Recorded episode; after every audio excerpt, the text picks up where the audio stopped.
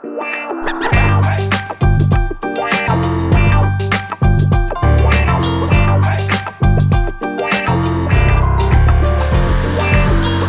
welkom bij een nieuwe aflevering van een podcast over voeding. In deze podcastserie gaan we in op de wetenschap achter voeding en laten we wetenschappers aan het woord over allerlei thema's die met voeding te maken hebben.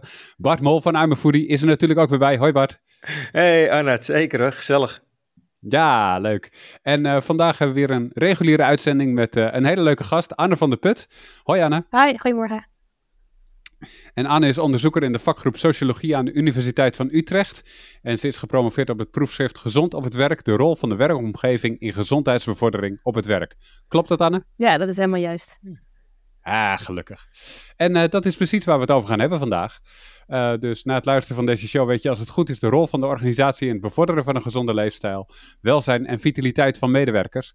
Um, en dat is uh, relevant voor heel veel mensen, want heel veel mensen hebben werk en eten daar ook op het werk. Dus ja, daar komen we uitgebreid over te spreken. Maar we beginnen waar we altijd beginnen, Anne. Wat is een frustratie van de afgelopen tijd die je met ons wilt delen?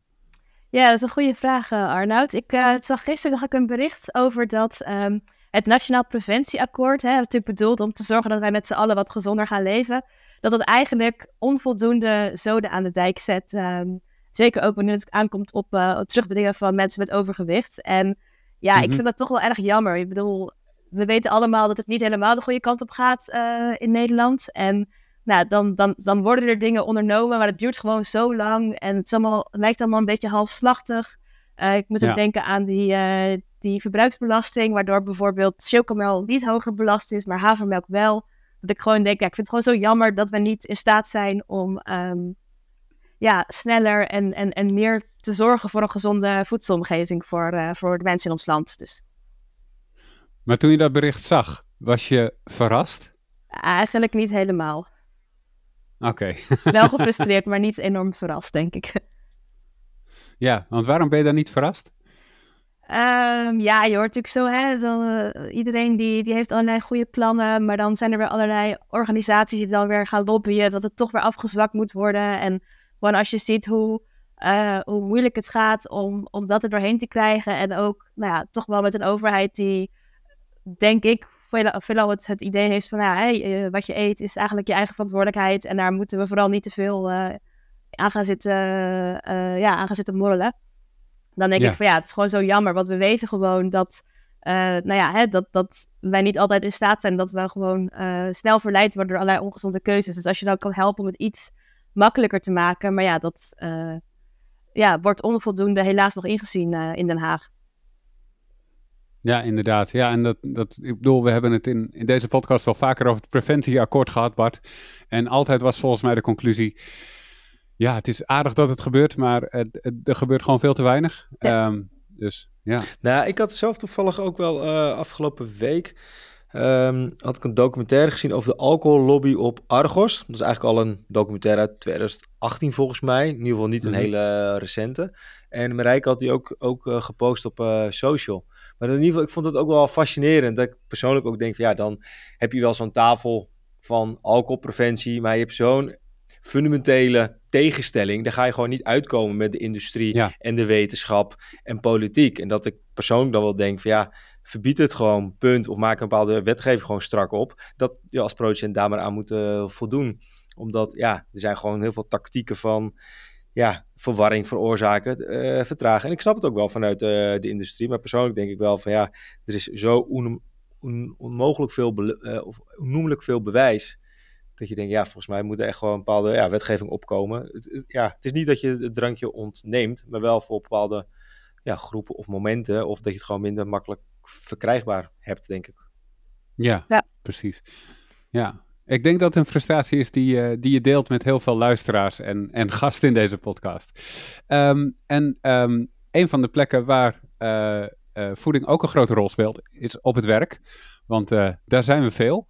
Um, en als je naar het werk kijkt, ja, gewoon even een basale vraag hoor, maar waar eet je op het werk? Ja, dat is een hele goede vraag.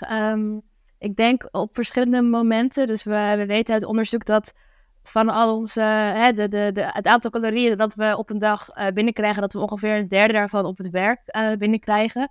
Nou, een groot deel daarvan komt denk ik uit de lunch. Hè, zeker voor veel mensen die gewoon van 9 tot 5 een baan hebben, wat toch wel de meerderheid is. Ehm, ja, die, die, die lunch op het werk.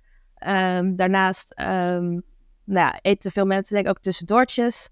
Uh, tenminste, dat, dat hoop ik, want dat helpt ook om, om uh, productief te blijven. Daar, daar zal ik zo meteen nog wat meer over vertellen. Um, en je ziet ook wel uh, veel sociale evenementen op het werk. Hè? Als er iemand jarig is, die neemt taart mee. Of als er iets te vieren is. Of op de vrijdagmiddagborrel. daar wordt ook natuurlijk nou, samen gegeten. Dus. En hoe, ja, welke rol heeft de omgeving dan? Want je, je bepaalt je eigen lunch toch zelf en welke tussendoortjes je wel of niet neemt? Uh, ja, dat in principe wel. Um, nou, natuurlijk niet iedereen neemt zelf lunch mee. Dus dat is veel mensen die uh, lunchen ook bijvoorbeeld in de, in de bedrijfskantine. Dus dan ben je natuurlijk ook afhankelijk van het aanbod wat daar uh, aangeboden ja. wordt. En nou ja, niet, niet elke organisatie ehm, die een kantine heeft, die heeft ook gezond aanbod. Ik denk dat we allemaal wel bekend zijn met de kroketten en de frikandellen en de kaasvlees en de, de gezouten soepjes die uitgeserveerd worden daar. Um, mm -hmm. Natuurlijk niet iedereen luncht ook in de, in de kantine. Die nemen zelf hun, uh, hun uh, eigen broodrommeltje mee. Maar um, wat we wel heel erg zien, en dat is uh, dat zeker de, de sociale omgeving, dus wat je collega's doen, wat zij um, eten, dat dat ook echt wel belangrijk is voor ja, wat je zelf eet. Mag ik even op inhaken, Arnoud? Want um, werkomgeving, als we daarvoor op inzoomen, we hebben het over werkomgeving dan de, uh, de kantine of echt de werkomgeving dat mensen achter hun bureau zitten met hun laptop en dat ze dat, dat, dat hun werkomgeving is en dat, dat ze daar dan eten, zeg maar? Of hebben we het echt over die ja, werkkantine, uh, het restaurant waar, waar we het over hebben? Um, ik denk dat je het eigenlijk, als, zeg maar, als ik het heb over de werkomgeving, dan heb ik het eigenlijk over allebei. Dus eigenlijk de, ja, als je op je werk bent, maar ook als je bijvoorbeeld onderweg bent, zijn natuurlijk ook mensen die niet uh, op een vaste plaats werken. Uh, op welke manier uh, beïnvloedt dan ja, de, de, de omstandigheden, dus de fysieke, maar ook de, de sociale relaties, dus de, de mensen om je heen, op welke manier beïnvloeden zij jouw eetgedrag daar? En op welke manier gebeurt het dan? Want je benoemde het al even, collega's spelen daar ook een rol in. Ja, um... ja wij, wij hebben dat onderzocht. Dus we hebben bijvoorbeeld aan mensen gevraagd van... Um, ga, je, uh, ga je lunchen of, of, of, eet je op het werk, maak je gebruik van gezonde voedingsopties die daar aanwezig zijn. En dan moet je dus juist bijvoorbeeld denken uh, aan die kantine. En uit dat onderzoek bleek dat uh, wanneer meer collega's daar gebruik van maken, dat de kans dat jij dat zelf ook een stuk groter is. Um, en ja, we denken dat dat dus heel erg komt door sociale normen en het, ja. het, idee dat wij als mensen um, ja, toch wel sociale dieren zijn, dat we graag bij de groep willen horen. Dus als iedereen, uh, ja, als jij samen met je collega's gaat lunchen en iedereen die uh, neemt een maaltijdsalade, ja, dan zul jij zelf niet zo snel um, elke keer een broodje kroket kiezen. Maar als het heel erg normaal is om dus wel juist voor die ongezonde opties te gaan, ja, dan wil je misschien juist weer niet opvallen doordat jij elke keer wel een salade neemt. Dat iedereen zegt, oh, kom, eh, komt die weer met zijn gezonde uh, gedrag of met zijn nou, konijnenvoeding of nou, weet ik wat je allemaal, wat je allemaal hoort. Dus aan de ene kant denk ik dat. En wat ik denk dat ook heel erg uh, meespeelt, is ook um, ja, dus, dus, wat je eet, maar misschien ook wel hoeveel je eet.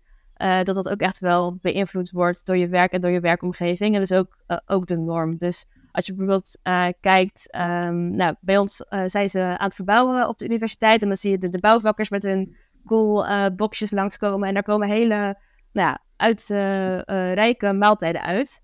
Um, daar is ook wel een beetje de norm van, hey, je moet goed veel eten, want we doen zwaar ja. werk. Terwijl, nou ja, wellicht um, met een boterham minder redden ze het ook wel en kunnen ze ook wel hun werk uh, uitvoeren. Dus op die manier uh, speelt dat mee. Um, en wat we daarnaast ook zagen, dus we hebben gekeken van hè, hoe uh, ja, spelen die sociale relaties normen een rol. Maar ook wat, wat Bart net noemde, dus een beetje de, de cultuur op de, in de organisatie. Dus als het um, en als iedereen achter zijn laptopje even snel zijn boterhammetje naar binnen schuift, omdat ze denken van, oh ja, werk, dat is echt super belangrijk en we moeten ons uh, werk afkrijgen. En eigenlijk is er niet zoveel tijd voor pauze, want het wordt gewoon van ons verwacht dat wij altijd aanstaan en uh, op ons werk focussen. Ja, dan is de kans dat jij dat ook gaat doen ook een stuk groter, omdat je dan ook wil laten zien van, hé, hey, kijk, ik ben ook serieus aan het werk, ik ben daar ook heel hard mee bezig. En ik ga niet even een half uurtje lopen lanterflanten door even rustig mijn, mijn, mijn boterhammetje op te eten. Dat klinkt alsof je ook met zeg maar, psychologie en groepsprocessen bezig bent geweest. Ehm, is dat ook zo? Is dit, is dit grotendeels een psychologisch proces? Um, nou, ik zit bij sociologie, dus het loopt altijd een beetje in elkaar over. Uh, ik denk dat het deels wel een psychologisch proces is, want we zijn toch wel heel erg, um, ja, een soort van, ja, wat ik al eerder zei, we zijn toch wel heel erg sociale dieren. We, we, hè, we horen mm. graag uh, bij de groep, we kijken graag naar, naar mensen om ons heen en, en passen ons daar graag aan aan. Dus we willen niet zo snel opvallen gemiddeld gezien. Dus dat is aan de ene kant misschien wel een psychologisch uh, proces. Aan de andere kant is dus juist ook die omgeving op die manier um, van invloed.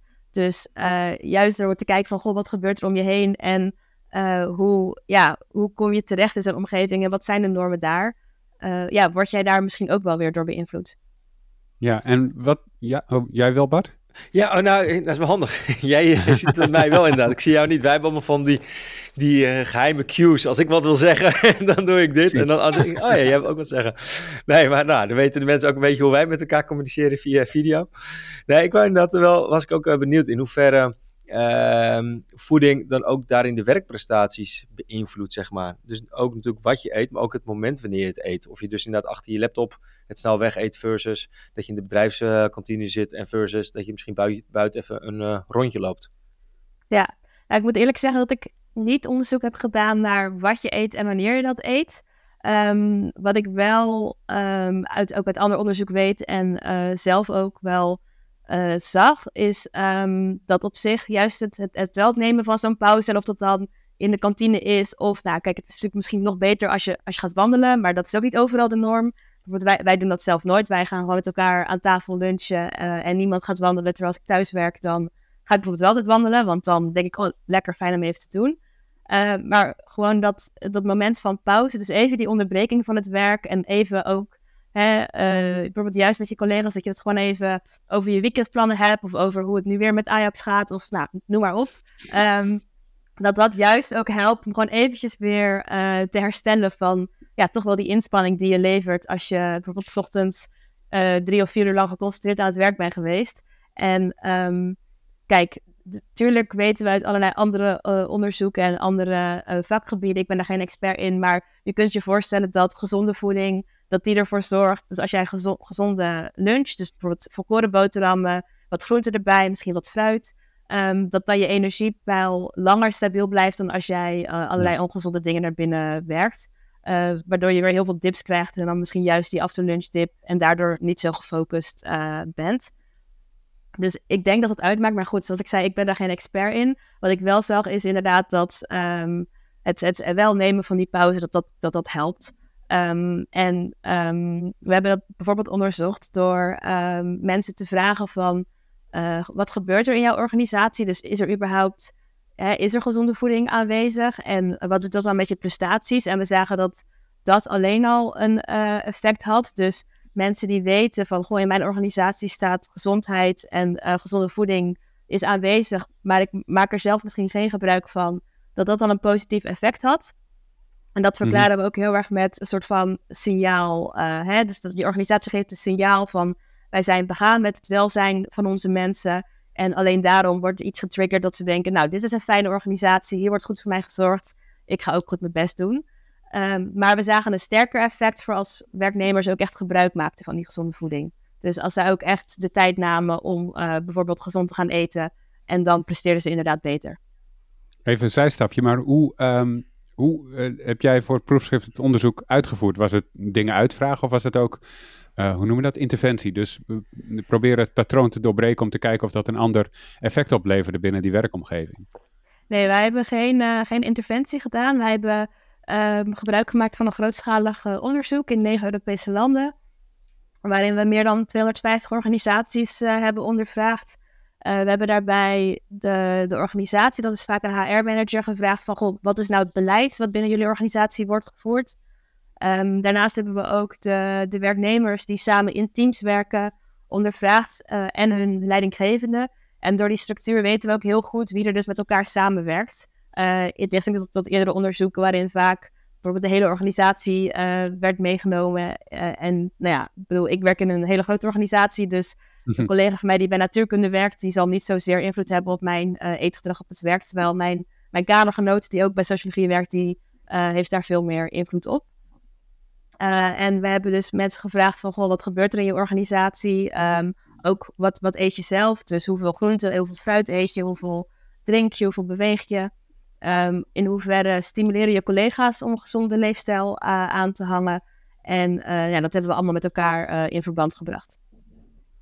En zie je dan ook verschillen in, zeg maar, tussen de grootte van organisaties? Dat het bij een klein bedrijf totaal anders gaat dan bij een groot bedrijf bijvoorbeeld? Um, we zagen dat bijvoorbeeld wel ook in het aanbod van gezonde voeding. Dus in grote bedrijven wordt dat eerder aangeboden dan in kleine bedrijven.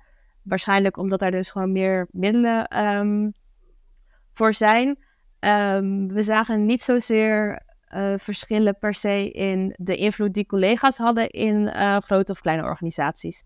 En nou ja, dat, dat komt dus ook echt omdat we echt naar die teams hebben gekeken. Dus ook in grote organisaties zijn natuurlijk vaak teams die, uit, uh, ja, die wat kleiner zijn, waardoor de contacten onderling ook beter zijn. Ja, klinkt wel logisch eigenlijk, want bij een groot bedrijf heb je veel meer uh, mensen en dus ook veel meer, uh, nou ja, als je diverse soorten voeding aanbiedt, is er altijd wel een publiek voor. Terwijl als je met zes mensen in een bedrijf werkt, ja, dan, dan ken je de voorkeur eigenlijk van al die mensen wel. En dan is dat dus uh, lastiger te doen. Zijn er verschillen ook tussen branches? Want je zei al, bouwvakkers, daar komt dan een hele maaltijd uit die, uit die coolbox. Um, zag je dat in je onderzoek ook terug, dat daar grote verschillen tussen zaten, tussen de diverse branches? Um, nee, dat zagen we eigenlijk niet zo heel erg. Kijk, wat je natuurlijk wel, wel hebt, is dat er wel ook in verschillende branches verschillende uitdagingen zijn. Dus bijvoorbeeld een van de branches die in ons onderzoek uh, is vertegenwoordigd, is de, de transportsector. Nee, dat is natuurlijk wel een sector waarbij mensen vaak onderweg zijn denk maar aan, de, aan de vrachtwagenchauffeurs of de buschauffeurs. Uh, waardoor het misschien wat moeilijker is om echt met elkaar samen te gaan eten. Um, dus, um, maar ik moet zeggen, eigenlijk, en dat geldt eigenlijk voor alle onderzoeken die we met deze dataset hebben gedaan, niet alleen maar over voeding en vitaliteit, maar ook op andere thema's omtrent duurzame inzetbaarheid, zagen we dat eigenlijk die sectorale verschillen niet zo heel groot waren. Dus dat was eigenlijk ook wel een interessante bevinding. Nou, dat is grappig, want rond vrachtwagenchauffeurs eerst wel het stereotype dat die altijd een broodje bal nemen in een wegrestaurant. Maar dat is dus helemaal niet waar. Um, nou, in ieder geval in ons onderzoek kwam het er niet als zodanig uit. En eh, dat, dat heeft deels denk ik ook te maken door, uh, hè, wat ik eerder zei, die, die invloed van die uh, omgeving. Dat ja, is natuurlijk op zich wel universeel. Dus op zich, als je al jouw collega's ook een broodje bal halen, dan hebben ze nog steeds invloed op jou. Alleen dan op een negatieve manier, omdat je dus minder gezond gaat eten. Zie je overigens dan nog wel verschillen tussen man, vrouw of, leef, of leeftijdsgroepen? Van generatie die nu 20, 30 zijn versus mensen die tussen de 50 en de 60 zitten? Um, nee, niet in uh, leeftijdsgroepen en in uh, geslacht. Al um, moet ik zeggen dat we daar ook niet super uitgebreid naar hebben gekeken. Um, ik weet wel dat uh, bijvoorbeeld met, als we kijken naar opleidingsniveau, daar hebben we bijvoorbeeld wel naar gekeken. En daar zagen we wel dat hoogopgeleide gemiddeld genomen wat gezonder uh, aten. Dus ook uh, eerder gebruik maakten van de faciliteiten die op het werk aanwezig waren dan lager opgeleide.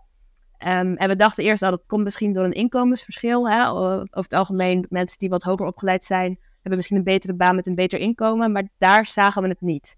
Dus dat was wel een interessant. dus het ligt niet alleen maar aan dat de kantine misschien te duur zou zijn, maar misschien ook juist wel aan de normen die daar, die daar heersen. Wat voor normen zijn dat dan?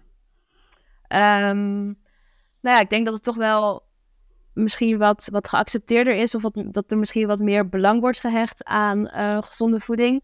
Uh, gemiddeld genomen natuurlijk. Um, misschien ook dat er meer kennis is over wat gezonde voeding is en wat dat uh, met je doet. Dus um, dat is een beetje hoe wij dat hebben geprobeerd te verklaren. Oké. Hey, en wat voor um, ik wil niet zeggen wat voor rol hebben werkgevers, maar wat voor standpunt hebben ze hierin? Want je kan aan de ene kant denken, ik wil een kantine met daarin dingen die mensen uh, vaak vragen. En dat is toch vaak het ongezonde voedsel, laten we eerlijk zijn. Ja. Maar je wil ook zorgen voor je werknemers en uh, goed zorgen voor hun welzijn. En tegelijkertijd uh, zeg jij dan, de, bevordert de concentratie, de, de, prestaties op het werk. Um, heb je teruggehoord wat werkgevers daarin willen, hoe zij die afweging maken? Ja, ik, ik, ik zie dat daar echt wel een beetje een tweedeling is. Dus aan de ene kant is er inderdaad die werkgevers die echt denkt van... nou, ik heb echt het beste met mijn mensen voor en ik, eh, ik ehm, ja, vind het fijn als, als ik ze gezonde voeding kan aanbieden op het werk. Dus ik was bijvoorbeeld afgelopen maandag bij een organisatie op bezoek die um, maken grasmaaiers en andere grote, grote producten. En um, nou, dat is misschien niet een populatie waarvan je snel denkt van, oh, maar nou, ze hadden allemaal kratjes fruit en, en staan en, en er werd ook samen geluncht en daar hadden ze aandacht voor. Dus aan de ene kant heb je dat soort organisaties die daar echt, echt bewust mee bezig zijn en ook echt makkelijk proberen te maken voor hun mensen om gezond te eten. Aan de andere kant heb je ook organisaties die er heel terughoudend in zijn en die denken van ja, weet je, wat jij eet, dat is toch wel je eigen verantwoordelijkheid en daar ga ik me niet, uh, ja, daar ga ik me eigenlijk niet mee bemoeien, dat moet je gewoon maar lekker zelf bepalen. Um, eh, die dan misschien niet zo uh, ja, doorhebben dat dat toch ook wel invloed kan hebben op de werkzaamheden van mensen, maar die gewoon denken ja, um, ja heb, ik geen zin in uh, of, of geen, geen middelen voor over. Ik hoor ook vaak dat sommige bedrijven hè, ook, ook financieel, um, nou ja, dat, je kunt volgens mij belastingtechnisch die um, gezonde voeding uit een bepaald potje uh, vergoeden, maar daar gaan bijvoorbeeld ook de kerstpakketten uit. Nou, dan kiezen ze ah. toch liever om mensen een mooi kerstpakket te geven, omdat ze denken van, nou, dat, dat vinden mensen dan belangrijker dan dat ze gezond kunnen eten op het werk. Ja, ik wou inderdaad vragen inderdaad of, of jullie er ook op hebben eh, ingezoomd of er wellicht ook al ja, misschien in cao's hier ook al specifieke afspraken over wordt uh, gemaakt. Dat het ook steeds een belangrijk punt is waar bedrijven zich automatisch dan aan moeten houden. Uh, ik moet eerlijk zeggen, voor gezonde voeding heb ik het niet zo scherp. Ik weet wel voor beweging dat dat absoluut niet in de CAO staat. Zelfs niet in de CAO van ah. de beweegsector. Dus dat is wel opvallend. Dus ik, ik heb zo het vermoeden dat dat voor voeding uh, ook geldt. Zou dat wel moeten, denk je? Ik denk dat het wel, als we met z'n allen willen uh, hè, dat wij in Nederland wat gezonder gaan eten. Uh, waar ik net ook al zei, dat, Nationaal Preventieakkoord, wat dus onvoldoende zoden aan de dijk zet. Dan denk ik dat het ook, ook de werkomgeving, um, dat het goed zou zijn als we daar ook wat meer aandacht aan zouden besteden. En wellicht ook wat zouden vastleggen in cao's of in wetgeving. Om te zorgen dat we met z'n allen daar ook een stapje in gaan maken. Maar hoe krijgen we dat voor elkaar? Ja, dat is een hele goede vraag. En toevallig uh, ga ik vanmiddag naar een bijeenkomst waarin we dat proberen om het gebied van bewegen voor elkaar te krijgen. Um, wat heel uh, lastig is. En um, ik denk aan de ene kant dat het ook echt ligt in een stukje, stukje voorlichting en een stukje informatie. Dus dat mensen weten, en juist ook die werkgevers, wat de positieve effecten ervan kunnen zijn als hun mensen gezond eten. Um, dat het ook kan werken. En dat, dat moet ik zeggen, dat zie ik wel vaker ook terugkomen dat het ook echt wel wordt gebruikt als een beetje een soort van uh, wervingsmiddel. Uh, zeker bij de, bij de professionals. Dus dat er dan wordt gezegd, nou, hè, uh, wij zijn een goed bedrijf, maar bij ons kun je ook lunchen. En we hebben gezonde lunch en doen we met z'n allen. En we hebben smoothies en we hebben fruit. En dus dat het ook echt wel, zeker nu met, ja, in tijden van het personeelstekort, dat het ook echt wel wordt ingezet als een onderscheidend iets. Um, en ik denk dat dat ook echt wel, um, ja, bij organisaties, dat het gewoon dat besef, dat het dat het hen ook kan helpen. Dat dat uh, wat meer zou kunnen benadrukt worden. En uh, hopelijk dat er daarna ook stapjes worden gezet van... hey, de werkomgeving is ook een omgeving die we moeten aanpassen. Ik bedoel, we, ja, we besteden er toch een groot deel van onze tijd. Dus ja, maar ben je dan niet bang dat op het moment dat er, zeg maar, wat je zegt, misschien kan het ook in wetgeving, op het moment dat je het gaat proberen af te dwingen, dat, het dan, dat je dan mensen tegen je krijgt en werkgevers juist ook zich daartegen gaan verzetten?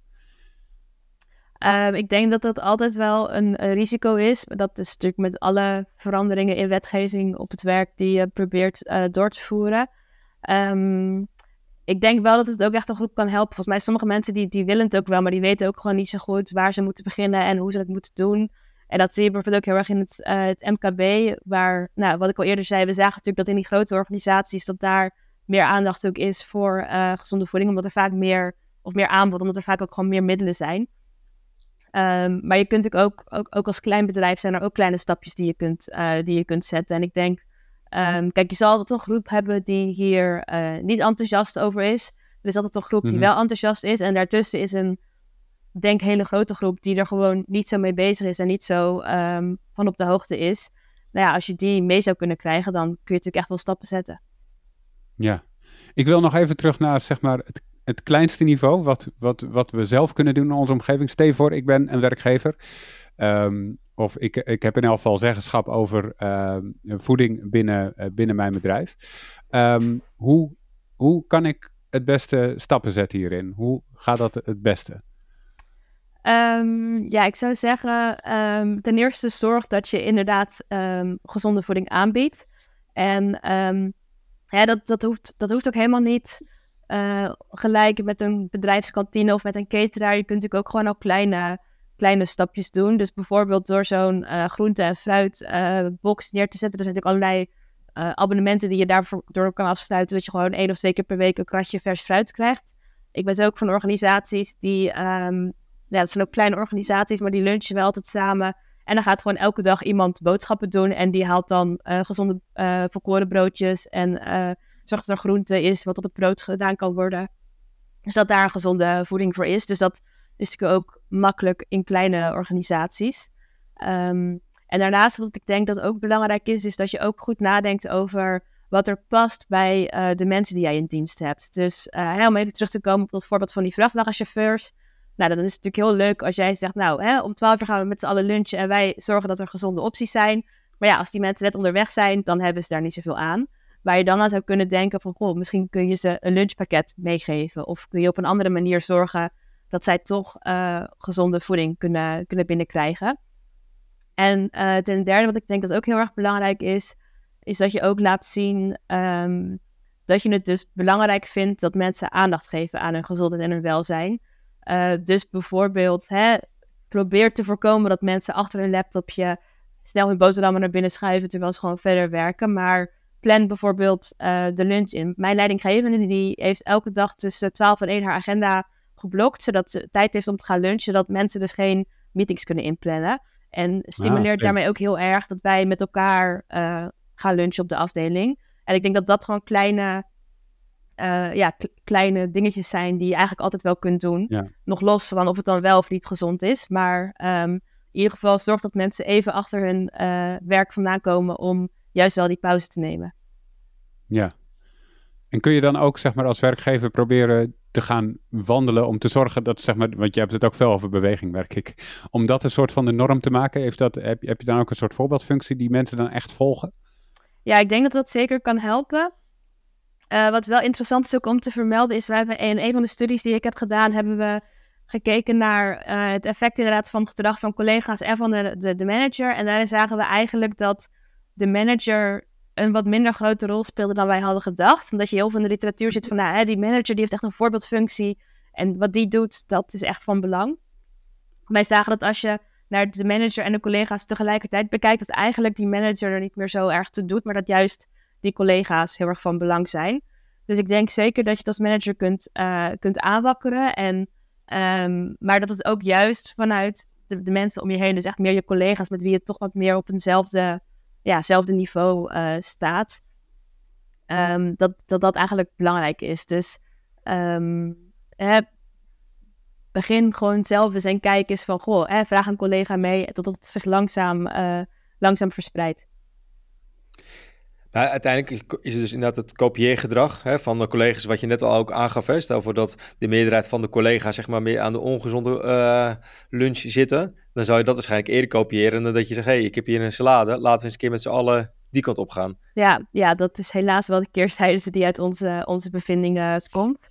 Uh, heb, je, heb, uh, heb je ook nog dan wel tips voor ja, als het niet zozeer vanuit de manager wordt gedaan of een leidinggevende, die zeg maar, het goede voorbeeld geeft of die zegt, hey, ik vind dat uh, belangrijk. Zijn er dan nog, of is daar ook onderzoek naar gedaan bij jullie studies, hoe je dat dus als werknemer of als medewerker daar een stimulans in kan brengen?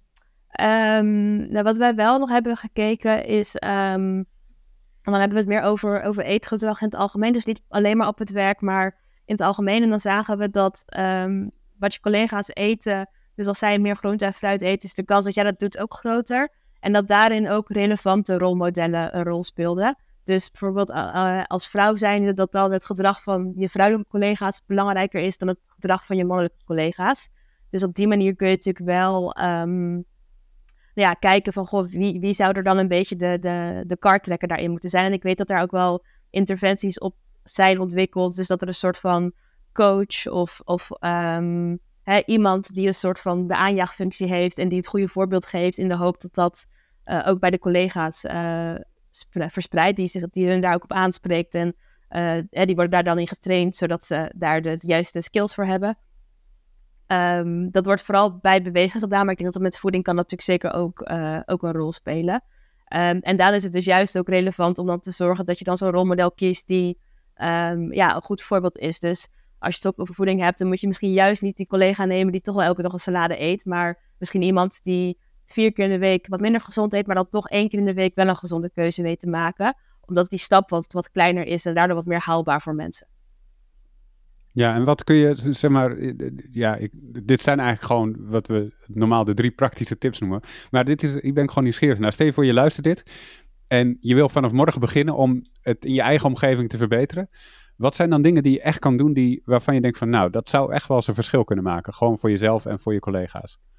Um, ja, ik denk dus, wat ik al zei, dus klein beginnen. Dus je hoeft niet gelijk van vijf keer ongezond naar vijf keer gezond. Begin gewoon eens uh, wat kleiner. Um, ten tweede, ja, vraag je collega's ook, ook mee om te lunchen. En hey, je kunt elkaar, als het op een goede manier gebeurt, denk ik ook best wel op aanspreken van, goh, wauw. Uh, en uh, als derde denk ik, hè, dat, dat zien we natuurlijk ook heel erg binnen organisaties, dat er vaak met verjaardagen of met andere um, feesten en partijen, dat, er, um, dat mensen tracteren bijvoorbeeld. Ja. Um, ja. probeer daar dan ook een beetje bewust van te zijn. Dus niet altijd maar grote stukken taart, maar wellicht wat gezondere opties. Zodat je ook wat meer het voorbeeld geeft van, hé, hey, dit kan ook op een wat gezondere manier. Ja, dit heb ik een keer gedaan, hè? Dit was, uh, want dit is ook een patroon op mijn werk, op het kantoor waar ik kom. En uh, ik dacht, laat ik dit eens doorbreken. Dus ik had uh, allemaal van die snackgroentetjes gekocht. Komkommertjes, paprikaatjes, radijsjes, dat soort dingen. Heb ik gewoon neergezet en gezegd, ik heb iets te vieren. Um, en het staat daar, tada. En ik vond het heel grappig dat mensen toen zich ineens bewust werden dat dit een patroon is. Terwijl ik hoorde van best wel mensen terug dat ze bezig waren met sport en gezonde voeding en weet ik veel wat.